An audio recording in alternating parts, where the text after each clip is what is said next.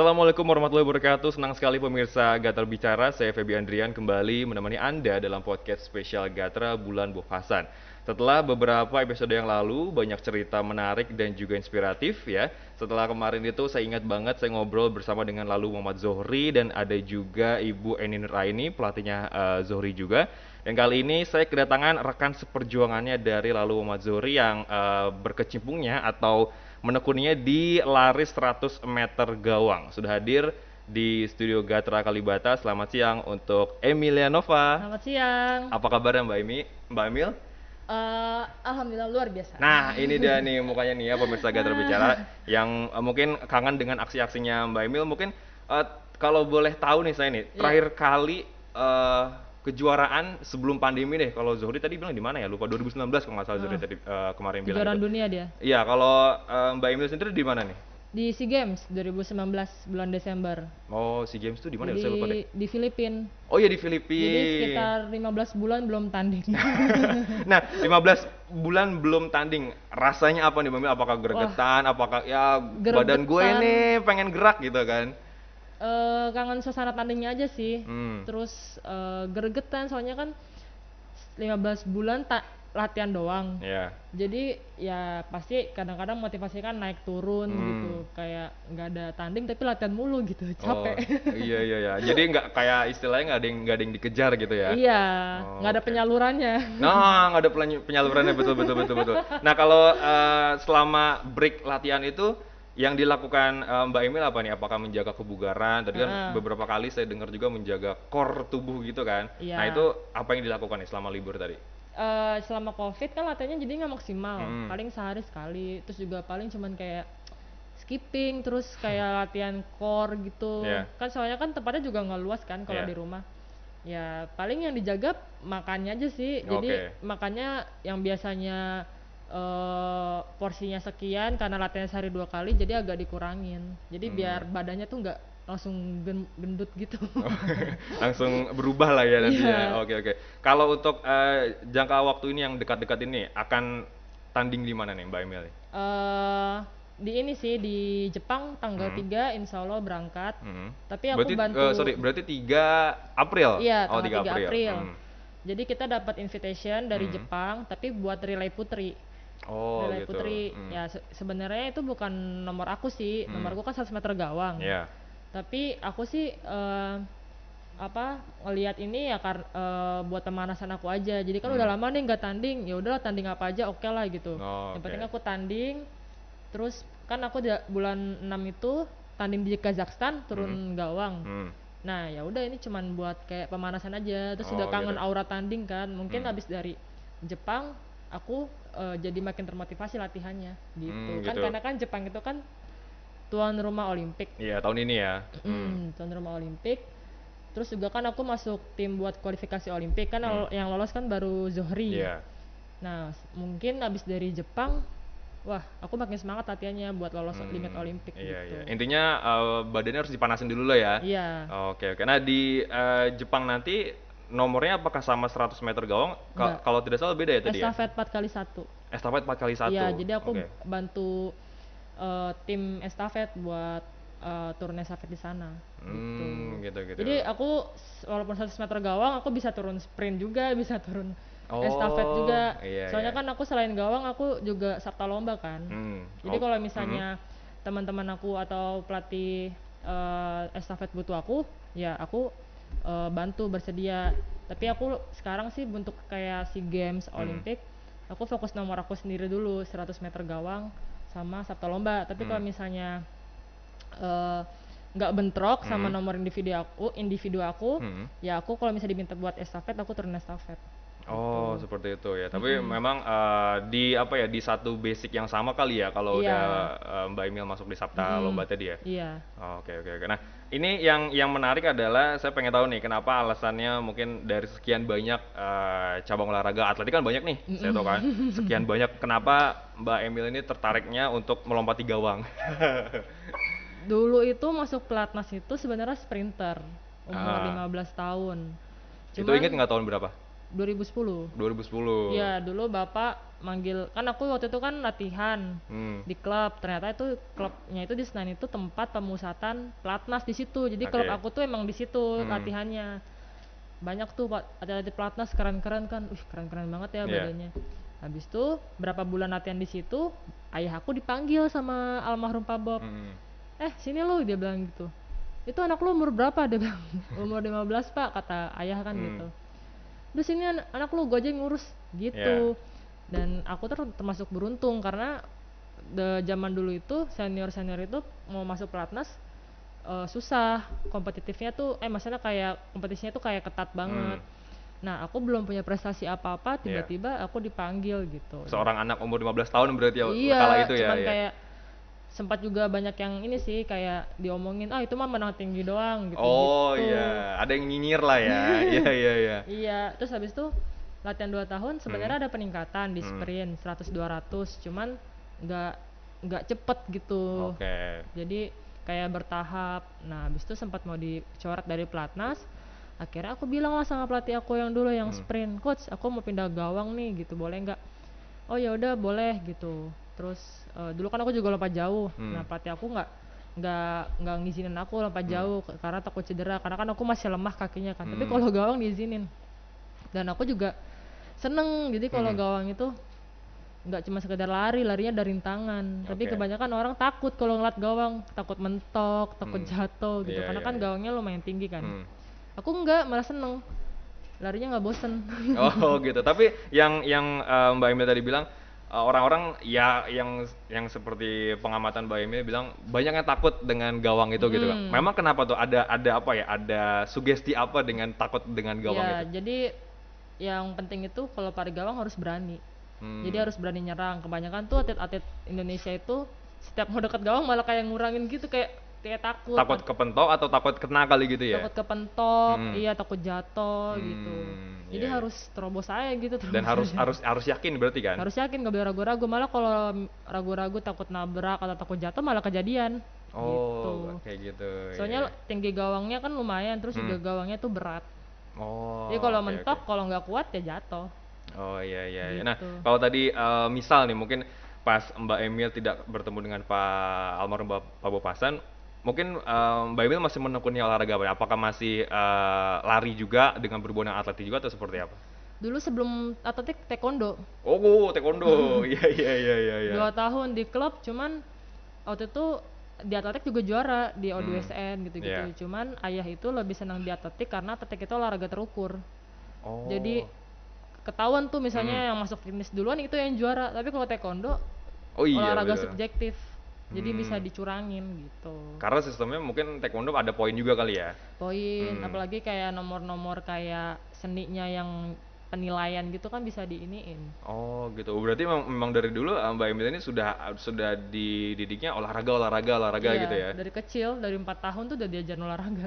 Oh, memang okay, okay. ayah tuh senang, senang olahraga, diajarin hmm main bulu tangkis, diajarin main volley, emang dari kecil nggak bisa diem. Oh, tantrum ya sebenarnya. nah, yang tadi kan bertemu di dengan uh, Pak Bopasan gitu kan. Waktu itu uh, awal mulanya dari situ berarti sampai uh, sudah meninggalkan kita semua. Ada kenangan-kenangan manis nggak sih sama almarhum yeah. Pak Bob?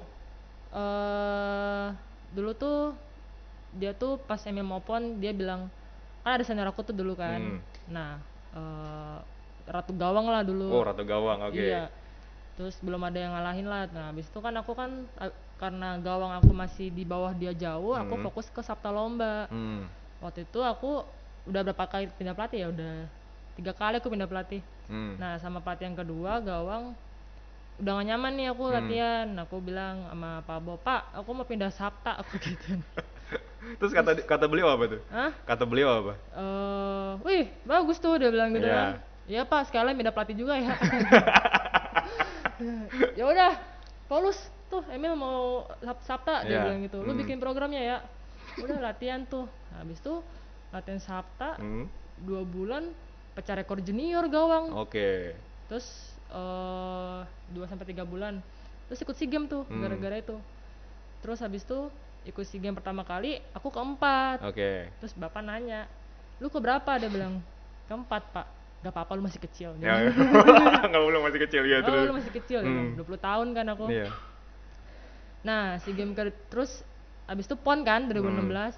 terus dia nanya tuh eh lu bisa nggak ngalahin tante lu udah bilang gitu oh yang ratu gawang tadi iya oh, iya. umurnya yeah. itu 37 Oke. Okay. Masih kenceng larinya. Oh iya iya iya iya. Insya Allah pak doain aja kata ah. aku gitu. Aku kan fokusnya ke Sabta, yeah. tapi gawang turun juga. Cuman oh. aku lebih fokus uh, targetnya ke Sabta kan. Berarti itu di challenge secara apa secara tidak langsung berarti ya? Iya. Yeah. Abis itu, alhamdulillah uh, pon dapat tiga emas, dapat hmm. tiga emas hmm. di Sabta. Di gawang juga pecah rekor rekor pon tiga kali turun tiga kali pecah. Hmm.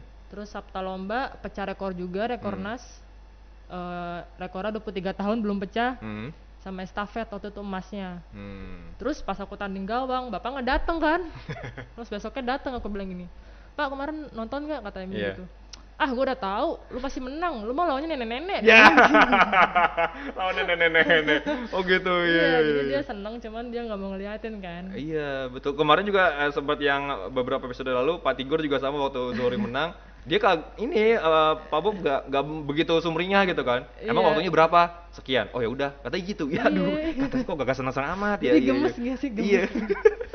tapi mungkin itu uh, kagumnya tidak di, diperlihatkan kali yeah. ya oh, gitu terus ya. 2017 hmm. si games tuh terus aku waktu itu gagal kan aku turun dua nomor Sabta sama gawang nah pas di Sabtanya ini poinnya tuh naik turun jadi hmm. empat atlet itu dari Thailand sama Malaysia sama aku naik turun gitu mepet gitu kan jadi ya udah abis tenaga di situ hmm. besoknya agak bes tapi dapat perak sama rekornas di yeah. Sabta besoknya final gawang aku nabrak hampir jatuh padahal udah, udah mimpin udah hmm. leading mungkin karena udah nggak fokus ya udah yeah. capek habis itu pulang-pulang pelatih aku dimarah-marah sama bapak dia bilang wah lu bego lu nggak bisa ngelatih Waduh. tuh Emil tuh kalah kan mungkin bapak kan mikirnya uh, karena aku uh, tulang punggung keluarga hmm. mungkin mikirnya kan kalau Emil nggak dapat emas dapat bonusnya hmm. kan nggak banyak jadi nggak oh. bisa bantu keluarga hmm. tapi nggak dimarahin Emil cuman ditanya kenapa kemarin gitu yeah. iya apa kecapean yeah. gitu ya udah apa namanya tuh jangan jangan berat-berat beban apa bebannya hmm. makanya tuh lompat tingginya jelek gini-gini oh ya pak gitu jadi yang diomelin pelatihnya bukan atletnya nah habis itu ini uh, aku kan bikin ini dari bonus pon itu kan hmm.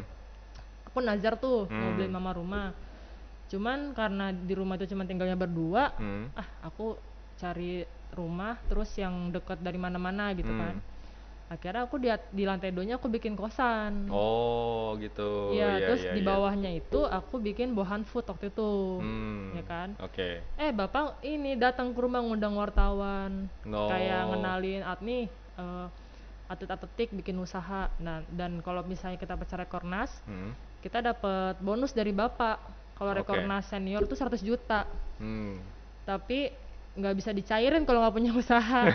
oh, ada ada syaratnya. Iya, jadi Emil waktu itu kan udah udah udah jadi nih hmm. rumahnya. Hmm. Cuman duitnya kurang waktu itu buat beli perabotan. Terus yeah. bapak nelfon, lu kurang apa lagi lu rumah lu? Udah udah udah jadi pak kata Emil gitu kan. Udah jadi pak. Cuman tinggal beli perabotan aja kata yeah. gitu.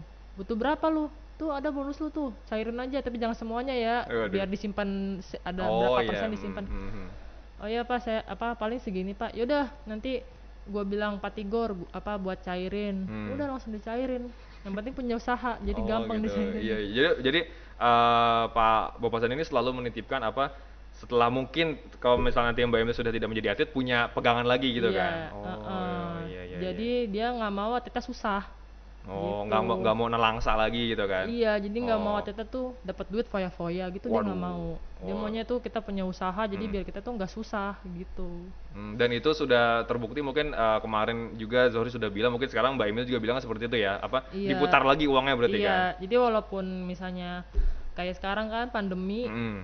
ya alhamdulillah walaupun aku nggak tanding, terus juga uang saku kan emang semua cabur lagi ngadet kan. Iya ya alhamdulillah kebantu sama kosan. Oh seperti itu. Jadi, jadi ada pemasukan lain berarti ya? Iya, oke oke oke. nah yang tadi uh, saya pengen uh, terlewat risiko mungkin risiko yang Mbak Emil ambil kan uh, Sabta lomba tadi ya uh -uh. bilang ya kan?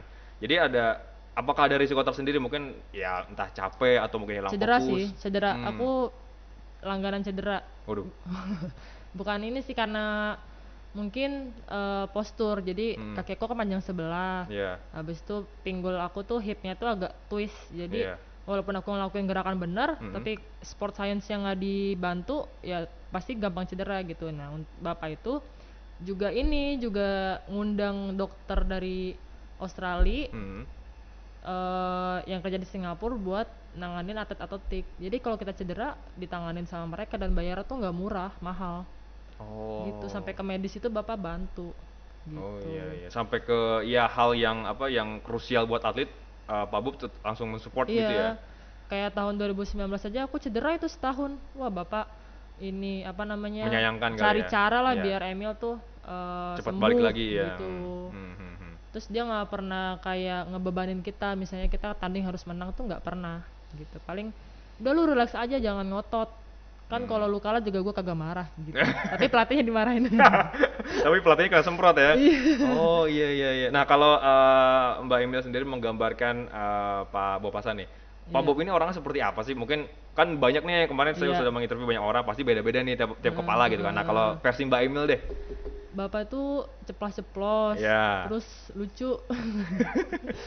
Pokoknya kalau udah bapak ngomong pengennya ketawa aja. Oh gitu. Terus okay. care, apa care terus baik banget sama atlet kayak nganggep itu tuh kayak anak sendiri hmm. gitu terus kayak nggak pernah apa ya kayak nggak pernah minta sesuatu dari kita kayak dia ngasih uh, ngebiayain kita tuh nggak tanpa pamrih jadi yeah. pengennya kita cuma prestasi terus kita nggak susah hidupnya gitu hmm. kayak aku kan uh, mungkin kalau nggak kenal atletik nggak tau lah hidup aku kayak gimana nah yeah.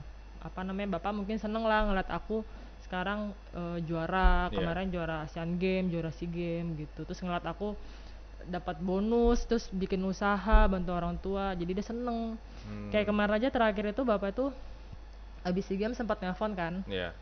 uh, eh sebelum Sea Games dia nelfon dia bilang lu nggak ikut itu tuh uh, apa pelepasan gak apa jauh banget di Bogor yeah. gitu capek begitu kan iya nggak usah ikut capek dia bilang gitu mm. gua aja nggak ikut lah emang bapak diundang? Gitu kan. Enggak sih kagak diundang. Ya bapak mah tinggal panggil aja pak jokowi juga datang pasti yeah, ketawa yeah. dah gitu kan. Terus yaudah lu relax aja nanti tadinya jangan ngotot kalau kalah juga gua nggak marah. Yeah. si game doang dia bilang waduh gitu. enteng banget yang ngomong si game doang. Ya ya ya terus pas aku menang nelfon tuh dia bulan Desember kan. Hmm. wih makin kaya aja lu ya bilang ya iya pak alhamdulillah pak gitu yeah. kan gue mau ngerasain dong bonus 500 juta dia bilang gitu wih boleh pak yeah. takdir makan ya yeah. gitu kan iya tapi gue mau di pinggir jalan oh. dia bilang gitu ya jangan dong pak nanti sakit perut katanya ya udah nanti dah gue atur dah waktunya dia bilang hmm. gitu ya udah uh, belum belum kesampaian tuh Emil mau naktir bapak. Yeah. Oh, Jadi pas yeah. bapak datang itu kalau nggak salah tanggal 26 Desember, aku lagi di Bali, lagi di tempat di rumah senior aku Kamaria. Hmm. Bapak nyariin tuh, mana Emil? Katanya mau taktir gua tuh dia tuh dia. Dicariin. Dicariin, iya. ditagihin. Emil lagi ke Bali tempat Maria. Oh, tempat Maria ya udah dia bilang gitu. Habis hmm. udah ketemu-ketemu lagi. Itu uh, Desember 2019 mungkin ya? Iya. Oh, gitu. Iya, iya, iya. Apa sama atletnya mah marah marah marah gitu doang nggak pernah yang kayak habis marah ya baik lagi gitu. Oh, gitu. Marahnya cuma marah buat kebaikan doang. Hmm, ya. Berarti itu salah satu mungkin apa ya uh, salah satu hal yang kenangan manis kali ya sama yeah. Pak Bob Hasan. Kalau yang pahit-pahitnya yang gak enaknya nih mungkin ya pernah kali yang ngerasa wah ya? ini si bapak marah-marah mulu Gak nih sih, gitu. pernah cuman ini doang sih pas mau Asian Game itu sebelum mau Asian Game sempat dimarahin aku sama bapak mungkin ada salah paham gitu lah. Yeah. Terus uh, aku nggak ini nggak pas mau Asian Games itu saat bapak datang aku nggak salim oh. terus aku nggak salim kan yeah. waktu itu kan lagi banyak wartawan tuh hmm. pas hari juara dunia kan oh, yeah. udah aku nggak mau deket-deket bapak takut disemprot gitu nggak oh, gitu. marah nggak gitu. hmm. marah cuman aku jaga mood aku hmm. kan hmm. takut aku ngedrop kan nah habis tuh uh, aku nggak nyalim tuh dua kali bapak yeah. datang nah dia dia baper dia baper terus uh, pas ada Pak Yusuf kala datang tuh waktu yeah. itu. Mm. terus anak-anak pada salim kan? Yeah. Yusuf salim juga kan. Terus dia bilang terus dia nepok datang juga lu.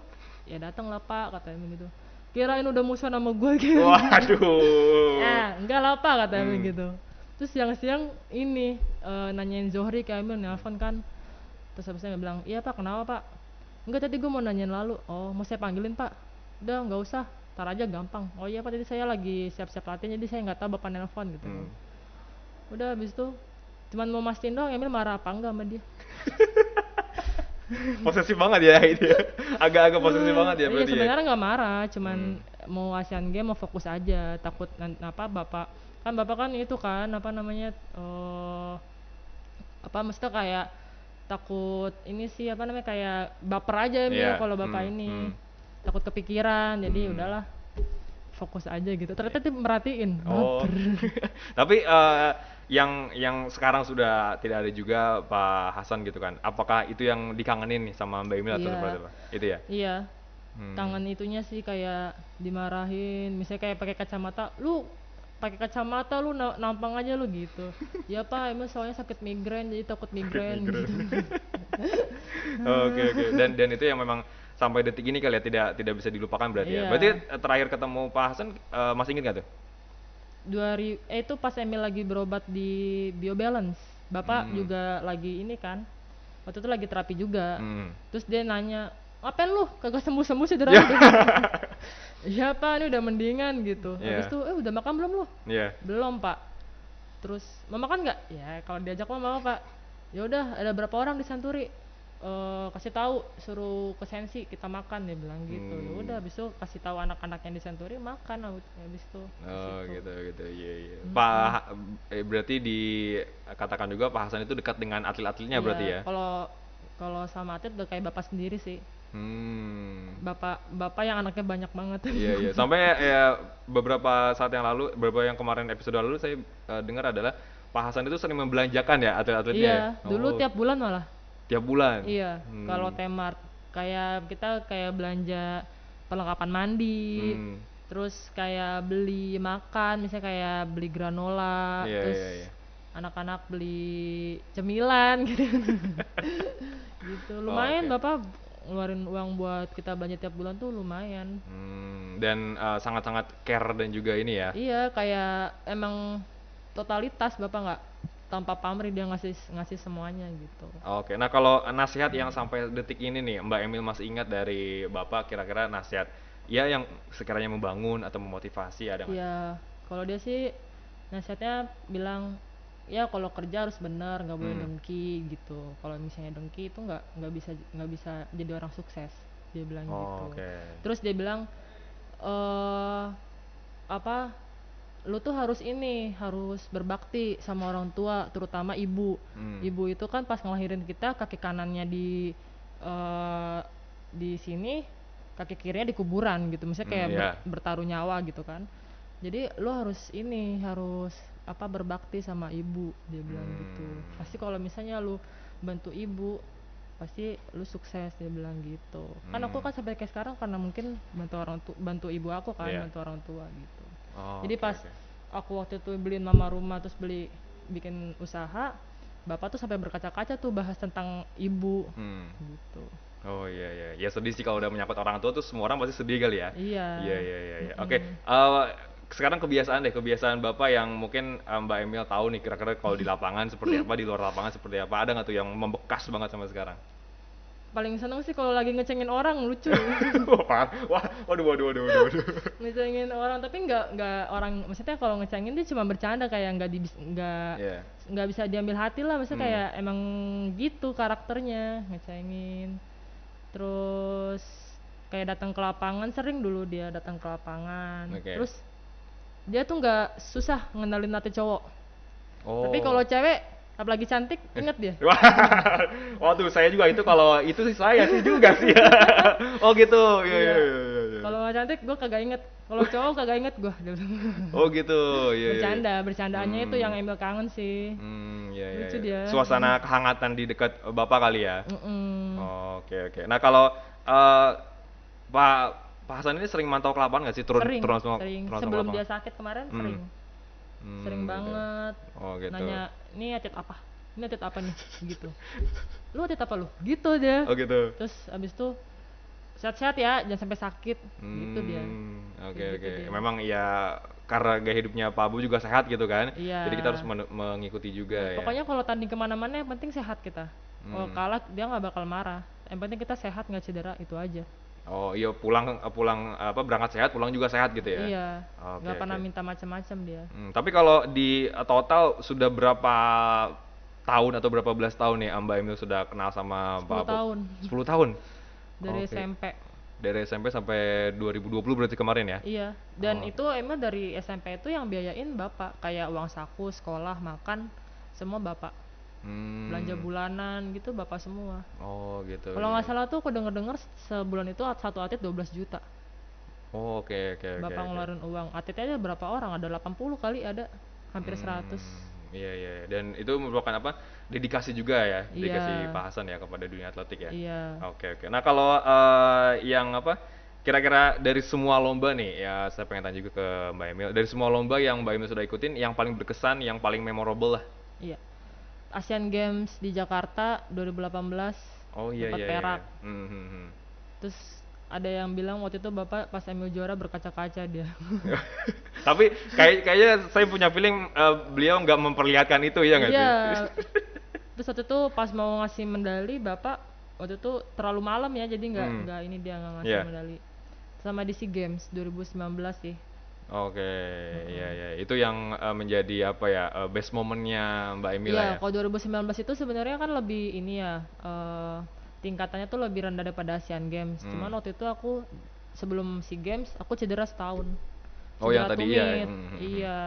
Terus bapak uh, apa namanya ngobatin aku di sini, di sini, di sini. Akhirnya pas mau dekat-dekat SEA Games baru dapat tempat yang bisa nyembuhin kaki aku waktu itu. Hmm. Cuman ya mungkin emang rezeki aku dapat emas kan, walaupun cedera lama, yeah. latihannya kehambat, ya alhamdulillah bisa dapat emas. Oh, gitu. Oke, okay. jadi ada ada ada makna dan juga pelajarannya ya. Iya. Oke okay, oke okay, oke. Nah, uh, yang uh, sekiranya nih buat yang pengen ikutan mungkin atau pengen bisa berpartisipasi, pengen bisa atletiknya baik lah. Mungkin ada tips and trick itu nggak sih Mbak Emil buat iya. teman-teman semua? Uh, kalau misalnya baru mulai ikut atletik, hmm. yang paling uh, harus diperhatiin itu adalah gerak dasarnya dulu. Oh, ya basic dasar, dulu ya. Basic dulu. Hmm mau lari kenceng itu bisa bisa ya tinggal tingkatin kayak uh, strengthnya hmm. terus kecepatannya bisa tapi kalau benerin teknik susah kalau dari kecil tekniknya nggak bagus kita sampai gede ya gitu-gitu aja yeah. kan kalau kalau misalnya dari masih kecil kan otaknya masih fresh kan yeah. tapi kalau misalnya udah 20 tahun ke atas bukannya nggak bisa dirubah tapi agak sulit gitu. Oh, Oke. Okay. Mungkin kan kalau udah gede udah banyak pikiran kan. udah banyak pikiran, udah banyak pikiran masalah ya, tunggakan cicilan nah itu dia. Iya, iya, iya kan iya. kalau masih kecil kan nggak mikir apa-apa jadi fresh. Oh, jadi iya. gerak dasar dulu dibenerin. Oh, berarti dari awal, iya. dari bibit kalau awal. Kalau di ya? itu namanya hmm. koordinasi. Oh, oke. Okay. Koordinasi. Hmm. Uh -uh. Nah, kalau Mbak Emily sendiri tadi kan uh, Sabta Lomba berarti bany- uh, mengikuti apa aja nih? Selain Jadi gawang. dalam dua hari itu tanding tujuh nomor. Waduh, Oke. Okay, jadi diakumulasiin gitu, gitu hmm. poinnya. Jadi uh, pertama itu lari gawang 100 yeah. terus itu yang memang uh, yang utama dari Mbak Emil kan. Finish hmm. terus cukup-cukup pindah ke lompat tinggi. Yeah. Ganti sepatu terus lompat tinggi uh, paginya. Yeah. Kalau tandingnya pagi sore. Sorenya tolak peluru sama 200 meter. Terus oh. besoknya lompat jauh, lempar lembing sama 800 meter gitu. Oh iya. Oh, padat banget berarti ya? Iya, lumayan bisa kalau tanding bisa turun 2 kilo oh iya iya, iya tanding iya. saking capeknya yeah. kalau dasar lomba buat cowok 10 nomor Oh, 10 nomor. Itu bisa turun 5 sampai 7 kilo berat badan kalau hmm, tanding. gitu. Dan itu apa uh, alasan juga karena mungkin medalinya juga banyak kali ya? Uh, waktu itu karena aku ngeli eh pelatih aku bilang uh, Emil kan marginnya jauh nih sama hmm. KDD. Hmm. Uh, ngapain rebutan pe apa emas perak buat DKI mendingan Emil turun nomor lain. Akhirnya lu kan ini Mil bisa lompat tinggi bisa lompat jauh. Motor aku bagus kan? Yeah. karena mungkin emang dari kecil aku seneng gerak hmm. seneng nyoba ini nyoba yeah. itu. Nah aku bisa semua nih. Ya udah aku coba tanding uh, eh latihan sebulan setengah terus aku nekat turun Sabta eh juara nasional. Juara nasional. Habis itu semenjak latihan Sabta mungkin jadi kuat ya apa namanya uh, apa biasanya kan kalau gawang kan cuma numpunya kaki kanan yeah. terus gerakannya itu itu doang yeah. tapi kan kalau Sabta kan kanan kiri kerja terus tangan juga kerja kan ada lempar lembing tolak peluru jadi hmm. lebih kuat dia hmm. jadi secara nggak langsung badannya kuat gawangnya jadi bagus Oh gitu, gitu. Ya, Cuman ya, gara-gara aku 2017 gawangnya gagal pas di SEA Games karena turun dua nomor akhirnya 2018 aku mutusin sama pelatih aku pindah eh bukan fokus gawang gawang hanya hanya gawang saja iya hmm. lihat ini juga sih lihat situasi juga kali ya apa peluang oke okay. kalau di satu lomba jauh peluang hmm. buat juaranya hmm. tapi pas di kalau di gawang ya bisa lah buat ngejar-ngejar medali bisa gitu oke okay. Gak nyangka juga sih aku kemarin dapat perak soalnya dari urutan season base itu aku kelima iya yeah. kelima nah habis itu uh, kalau multi event kan orangnya beda ya kalau hmm. multi event nah habis itu aku dapat perak dan emang waktu aku itu 13.3 itu emang kalau di Incian 2014 juga aku perak gitu. Oh, oke okay, oke. Okay, Enaknya okay. gitu atletik olahraga terukur jadi bisa diukur. Hmm, jadi itu alasan lawannya. iya alasan Mbak Emil untuk uh, apa ya untuk tekun di dunia atletik berarti ya. Iya. Ah, oke yeah. oke. Okay, okay. Nah, kalau menurut Mbak Emil nih legacy atau juga warisan yang sudah di uh, diberikan oleh Pak Bob ya dari untuk PB Pasi lah untuk rekan-rekan atlet di uh, atletik itu apa aja nih legacy atau warisannya? hmm, kayak ini kemarin rumah jadi dia kayak nyediain rumah buat hmm. atlet okay. yang ada kolam renangnya jadi kalau misalnya atletnya selesai latihan bisa recovery gitu oh, yeah, terus yeah, yeah. kayak alat-alat peralatan kita buat latihan hmm. terus bonus hmm. buat atlet sekarang udah dicairin kan hmm. atlet udah mungkin banyak yang udah punya usaha yeah.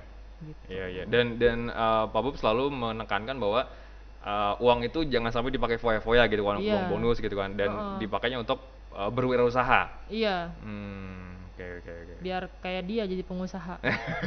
Mengikuti jejak bapak berarti ya. Oke. Okay. Nah, eh, yang kira-kira apa nih? Mungkin yang uh, harapan dari uh, bapak yang belum tersampaikan apa sih kira-kira? Mm, bapak nggak pernah sih kayak uh, nargetin gitu ya? Iya nggak hmm. pernah nggak pernah kayak ngasih tahu dia tuh pengen ini ini nggak ada cuman kayak paling ngasih tahu kayak gue nggak mau lu jadi orang susah itu gitu doang oh gitu ya. dan uh. dan di pertandingan uh, lu jangan sampai apa jangan sampai jangan cedera ngotot. Ya. iya jangan sampai cedera yang penting sehat jangan ngotot dia bilang gitu hmm. jadi dia kayak buat tenangin kita jadi setiap tanding tuh di telepon tuh atlet-atletnya tuh pas oh satu-satu tuh ya pas mau Asian Game iya di telepon jangan ngotot udah kalau kalah nggak gue nggak bakal marah gitu pasti game juga dia nelfon gitu oh oke okay. tapi dalam dalam hati mbak Emi atau dalam uh, hati rekan-rekan yang lain uh, harus all out nggak sih kalau aku itu? sih karena ini ya bapak udah bantu aku kan hmm. buat recovery cedera terus bapak kan juga nggak ngeluarin duit sedikit kan yeah. terus juga ya kalau aku sih uh, kalau tanding gitu ya aku pengen yang paling aku pikirin orang tua terus bapak pengen nyenengin bapak udah gitu aja hmm. gak mau ngecewain dia kan dia udah all out nih sama yeah. aku masa aku nggak bisa all out tanding gitu. Oke oh, oke. Okay, okay. Berarti uh, Mbak Emil ini sudah sudah terhitung senior berarti kan ya kalau di pasti. Nah mungkin pesan-pesannya nih mungkin buat apa ya dorongan motivasi yang yang junior belum sempat ketemu bapak gitu kan belum sempat yeah, merasakan yeah. Uh, effortnya semangatnya bapak mungkin bisa disampaikan nggak nih kira-kira yeah. buat para juniornya? Kalau sekarang sih aku sih uh, mungkin lebih ke lebih semangat lagi latihannya hmm. karena sekarang memasuk pelatnas agak sulit. Oke. Okay. Jadi harus benar-benar punya prestasi gitu. Jadi jangan apa ya uh, latihan tuh juga, juga harus ngepus, harus ngepus diri sendiri, nggak boleh cuma sekedar latihan aja, latihan pulang, latihan pulang. Jadi harus benar-benar uh, krisis sama latihan kayak ini latihan ini buat apa ya, terus saya kurangnya di mana ya hmm. gitu. Jadi kalau aku sih dulu kenapa bisa kayak sekarang aku krisis kayak uh, abis latihan nih gawang aku lihat lagi malam-malamnya malam oh. bisa lihat teknik yeah, aku yeah, iya. bandingin replaynya dilihat jadi kali aku ya. kayak nggak cepat puas sama hasil latihan hmm. jadi misalnya waktunya segini nih hari ini ah minggu depan pokoknya segini nggak mau nih jelek kayak gini gitu oh, oke okay, oke okay, tapi okay. kebanyakan tuh sekarang anak-anak zaman sekarang ya latihan cuma latihan iya, pulang yeah, tuh, tuh, gitu hmm, nggak yeah, ada iya. nggak yeah. ada fightnya jadi oh, okay. kalau emang benar-benar senang di atletik ya jiwanya semuanya harus di atletik nggak hmm. boleh apa setengah-setengah uh, gitu ya setengah hmm. ada yang bingung nih mau kuliah apa mau apa mau latihan hmm. gitu ada juga yang bingung mau kerja apa mau latihan gitu oh ya intinya melakukan sesuatunya jangan, jangan sampai setengah-setengah iya jangan setengah-setengah oke okay. nah uh, target terdekat mungkin uh, mbak Emilia ini apa nih target terdekatnya um, pengen ini sih ya itu sih impian semua atlet yeah. pengen ikut Olimpik. Amin. Amin. Jepang berarti ya. Kan SEA Games udah, hmm. udah pernah ngerasain, Asian Games udah gitu kan, tinggal Olimpik. Hmm. Ya tergantungnya di atas juga sih kalau misalnya rezeki ikut Olimpik ya alhamdulillah gitu. Yeah. Tapi kalau misalnya nggak ikut, ya mungkin Emil disuruh fokus buat turun di SEA Games sama kan ada pon juga kan. Yeah. Dan rencananya SEA Games itu mau turun dua nomor kalau hmm. sehat terus karena kan dari hasil terakhir Sabta Lomba itu yang juaranya itu cuma 5100 sedangkan Panemi 5300 jadi ada peluang tapi lihat juga lihat apa e, kondisi misalnya e, jadwalnya itu mepet apa enggak gitu. hmm, gitu. Iya iya iya. Dan dan sejauh ini mungkin uh, apa ya uh, penantang terberat nih dari mana nih kira-kira sedikit aja nih mungkin saya pengen tahu juga dan yeah. pemirsa Gatra bicara. Kalau aku sih sekarang uh, fokus ke Asia. Asia okay. kalau di Asia Tenggara ya ada Vietnam. Hmm terus juga ada Singapura Singapura tuh nggak kelihatan latihannya di Amerika oke okay. terus kalau misalnya di Asia ada Jepang hmm. Cina hmm. Taiwan itu Banyak. yang harus diwaspadai lah ya kalau dari yeah. uh, oh nggak nggak Eropa nggak ikutan ya nggak oh, oke okay. itu yang harus diwaspadai oleh Mbak Imel yeah, dan iya, rekan-rekan ya sekarang juga Asia belum ada yang lolos Olimpik ada uh, lawan aku dari Jepang udah latihan di Amerika hmm. 6 tahun 7 tahun belum lolos juga Oke. Okay. Iya. Iya, iya, iya, iya. Ya, ya. kalau aku sih yakin sih kalau misalnya aku sering kompetisi di luar yang tingkatnya tinggi, mm -hmm. misalnya kayak Asia, Eropa yeah. gitu, kan kebentuk tuh uh, eh, yeah. mentalnya, mentalnya, mental bertandingnya, ya, ya, pengalamannya. Ya, ya. Terus juga kan semakin baik bertanding kan malah bagus, bukannya kan ada yang bilang takut cedera. Mm. Kalau menurut aku sih bagus karena biar program latihannya itu ada evaluasinya ini program latihannya cocok apa enggak gitu. Oh, Oke, okay. ya jadi harus banyak jam terbangnya juga kan ya? Iya. Oke, okay. nah uh, terakhir untuk dari sekian banyak pengalaman terus juga kedekatan dengan almarhum Pak Bopasan, satu kata deh yang menggambarkan Pak Bopasan itu sebagai apa nih? Satu kata aja. Hmm, sebagai bapak atletik Indonesia. Tiga ya, oh, bapak atletik ya? Indonesia. Sama dengan oh Zori kemarin itu Zori juga bilang itu bapak atletik Indonesia. Memang sosok uh, Pak Hasan mungkin tidak akan bisa tergantikan yeah. kali ya. Oke, okay, sekali lagi terima kasih ya. Mbak Emilia Sama-sama. Nova sudah berbagi uh, pengalaman, berbagi cerita juga bersama saya dan juga pemirsa Gatra Bicara. Demikianlah obrolan saya bersama dengan Emilia Nova mengenai sosok Pak Bopasan yang memang dedikasinya sangat tinggi, berusaha uh, berusaha dan juga ulet untuk mencari bibit-bibit muda di seluruh Indonesia. Terima kasih juga yang sudah menyaksikan dan jangan lupa untuk like, comment, dan subscribe. Kita bertemu lagi di podcast berikutnya. Saya Febi Andrian, Emilia Nova, pamit undur diri dan sampai jumpa.